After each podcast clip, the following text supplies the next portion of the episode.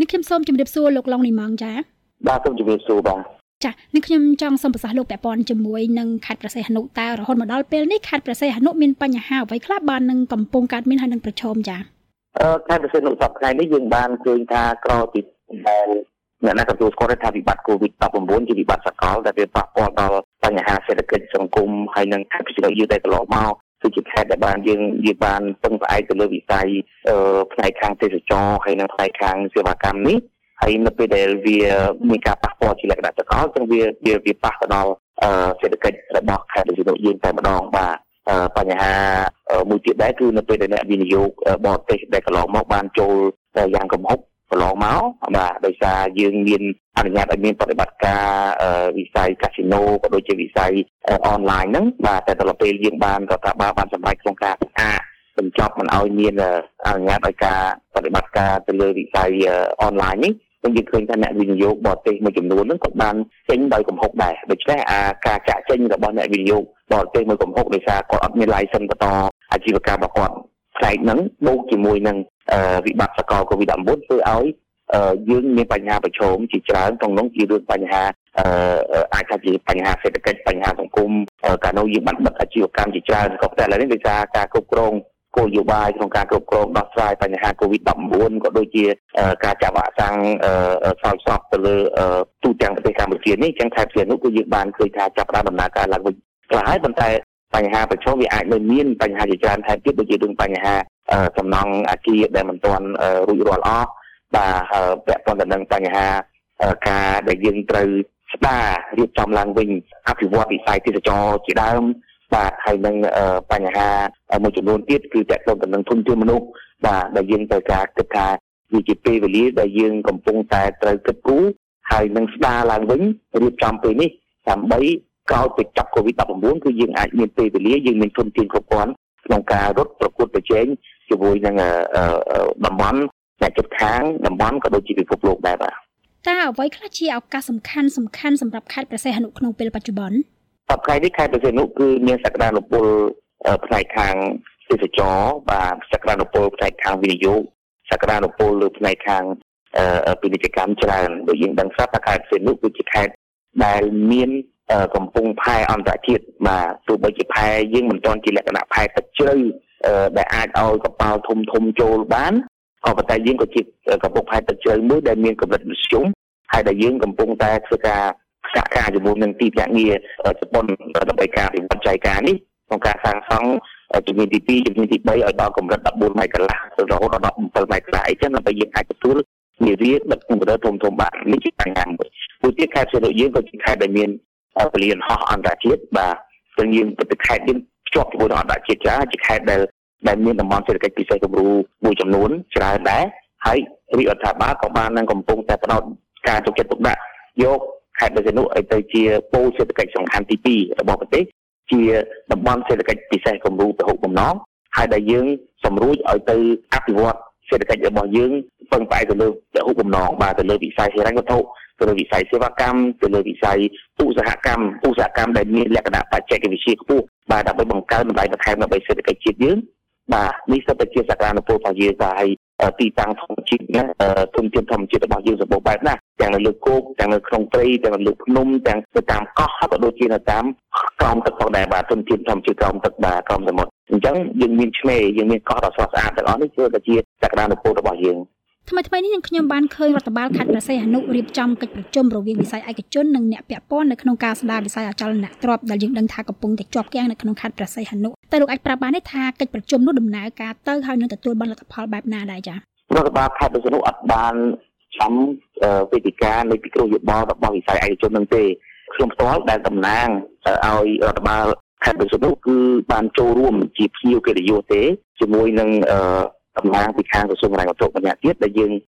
បានចូលរួមនៅក្នុងវេទិកានោះជាវេទិកាដែលរៀបចំឡើងដោយសភាវិជ្ជកម្មខេត្តវិសុនុហើយមានការសហការ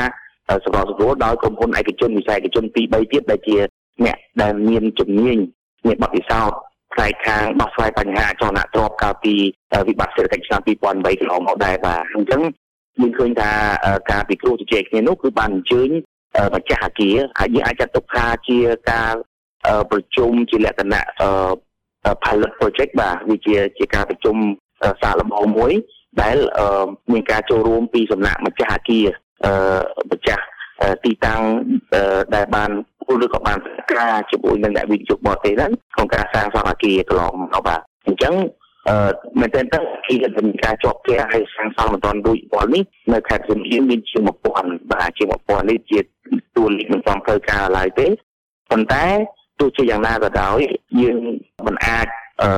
យើងមើលឃើញថាជាបញ្ហាប្រឈមយើងមិនអាចទុកសភាពការបែបនេះឲ្យទុំចូលបានទេដោយសារវាប៉ះពាល់ទៅនឹងបញ្ហាសេដ្ឋកិច្ចបញ្ហាសង្គមបញ្ហាបរិស្ថានបញ្ហាសុវត្ថិភាពហានិភ័យ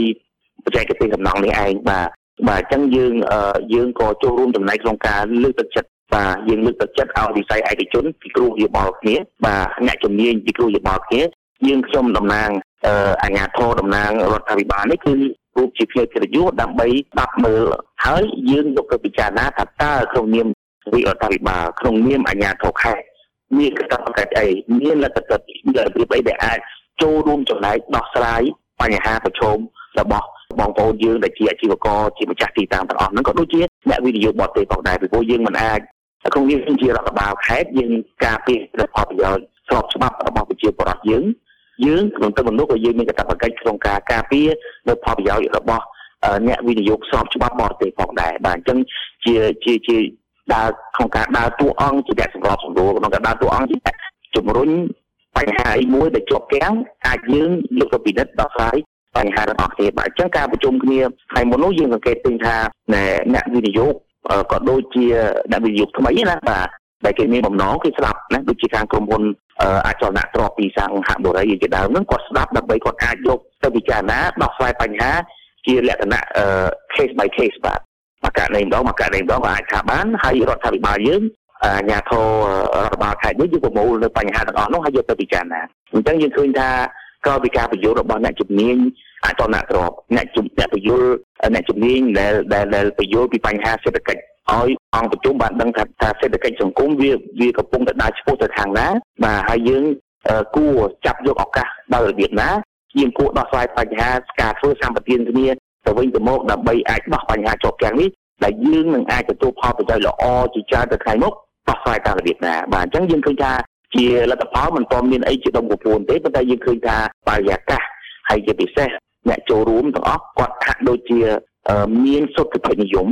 ក្នុងការយកទៅដកគ្នាយកទៅពិចារណាហើយនឹងធ្វើជាសំណុំពរមកក្រុមការងាររបស់សភារាជការម្ដងទៀតហើយនឹងលើកជាសំណុំពរលើកជាប្រតិយោបល់លើកជាអនុសាសន៍ដើម្បីឲ្យនៃរាជរដ្ឋាភិបាលក៏ដូចជារដ្ឋបាលអាជ្ញាធរខេត្តវិទ្យានុយកទៅពិចារណានិងជួយដោះស្រាយបញ្ហាគាត់ដែរជាចុងក្រោយតើរដ្ឋបាលខេត្តមានស្ថិតិនិយមបែបណាពាក់ព័ន្ធទៅនឹងការដោះស្រាយបញ្ហាជាប់គាំងផ្នែកអចលនទ្រព្យនេះហើយលោករំពឹងថានឹងអាចដោះស្រាយបាននៅ ក្នុងត្រឹមឆ្នាំណាដែរចា៎ខ្ញុំគិតថាក្នុងនាមរដ្ឋបាលខេត្តបេសីនុយើងកាត់ខំមកអស់ពីលទ្ធភាពក្នុងការជួយសម្របសម្រួលនៅបញ្ហាផ្សេងផ្សេងដែលជាកង្វល់ដែលជាសំណុំពររបស់គ្រប់ភាគីទាំងអស់បាទហើយក្នុងករណីដែលអាជ្ញាធររដ្ឋបាលខេត្តសៀមរាបមិនអាចបោះចប់ដោយសារស្បានដោយសារលទ្ធភាពនិងសមត្ថភាពយើងនឹងស្នើសុំទៅរាជរដ្ឋាភិបាលដើម្បីសុំកិច្ចអន្តរាគមន៍ផងដែរអញ្ចឹងខ្ញុំនៅតែមានភាពសុខចិត្តនិយមថាការ យល់ដឹងរបស់ប្រជាពលរដ្ឋយើងការយល់ដឹងរបស់អ្នកវិនិយោគបរទេសនិងការធ្វើសម្បទានឲ្យគ្នាទៅវិញទៅមកនេះវានឹងចេះនៅបច្ច័យល្អដើម្បីឲ្យយើងអាចឈ្នះបានទាំងអស់គ្នាបាទឈ្នះបាទន័យថាវិស័យឯកជនខ្មែរក៏ឈ្នះវិស័យឯកជនវិនិយោគបរទេសក៏ឈ្នះនិងរដ្ឋបាលយើងក៏ឈ្នះផងដែរអញ្ចឹងខ្ញុំគិតថាបញ្ហាទាំងអស់នេះនៅពេលដែលមានការចូលរួមពីវិស័យឯកជនណាយើងអាចការជាអ្នកវិនិយោគថ្មីដែលអាចមកទទួលយក ប្រមូលទិញចូលនៅអាគារមួយចំនួនដែលម្ចាស់ចង់សហការឬក៏ចង់លក់បញ្ចេញបន្តហ្នឹងខ្ញុំគិតថានោះគឺជាជាជារឿងដែលសំខាន់បាទការចូលរួមរបស់វិស័យឯកជននេះមានលក្ខណៈសំខាន់ហើយនឹងមួយទៀតផងដែរគឺគោលជំហរក៏ដូចជាសុឆន្ទៈរបស់រាជរដ្ឋាភិបាលរបស់អាជ្ញាធរមូលដ្ឋានក្នុងការជួយសម្របសម្រួលដល់ការដោះស្រាយបញ្ហាទាំងអស់នេះអញ្ចឹងយើងជឿជាក់ថាអាចនឹងមានគោលការណ៍ឈ្នះឈ្នះ ព្រោះដើម្បីឲ្យខេត្តបេសិនយើងនេះឲ្យស្របទៅនឹងផែនការមេដែលកំពុងតែរៀបចំឡើងដោយរាជរដ្ឋាភិបាលនេះឲ្យទៅជាពោលសេដ្ឋកិច្ចពិសេសគម្រោងពហុបំណងនេះបាទអញ្ចឹងតើតើយើងដោះស្រាយបញ្ហាអចលនៈទ្រព្យជាប់កែទាំងអស់នេះវានឹងអាចជួយយើងបានច្រើនដឲ្យអនុវត្តផែនការមេនេះឲ្យបានត្រឹមត្រូវឲ្យបានជោគជ័យនិងចុងក្រោយមួយទៀតគឺបញ្ហាសុវត្ថិភាពរបស់អាគារទាំងអស់នោះតែម្ដងបាទពីព្រោះយើងយើងយល់ថាអាគារ សំណង់ដែលយើងទុកចោលវាអាចប៉ះពាល់ទៅនឹងបញ្ហាសុវត្ថិភាពនិងបច្ចេកទេសសំណង់ផងដែរបាទតែខ្ញុំជឿជាក់ថាការចូលរួមនៅគ្រប់ភាគីពាក់ព័ន្ធទាំងអស់យើងនឹងអាចរកដំណោះស្រាយបាននឹងខ្ញុំសូមអរគុណលោកឡុងនីម៉ងសម្រាប់ការផ្ដល់សម្ភារអំពីការវិវត្តរបស់ខេត្តព្រះសីហនុសម្រាប់ពេលនេះនឹងខ្ញុំសូមអរគុណនិងសូមជម្រាបលាបាទសូមអរគុណសូមជម្រាបលាបាទ